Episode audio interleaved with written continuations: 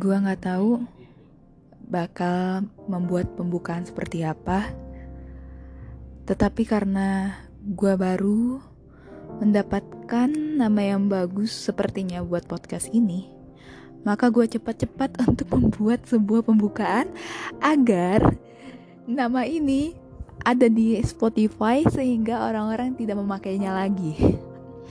Gue udah capek, gue udah enek, gue udah gara-gara nama yang ada di otak gue yang menurut gue bagus itu selalu dipakai orang. Gue nggak mau kayak gini. Gue termasuk kompetitif. gue akan melakukan segala cara agar akhirnya podcast ini lahir. Karena gue mau suara gue didengar oleh orang lain. Sebagai hal yang bisa membuat mereka sadar kalau kita ini manusia.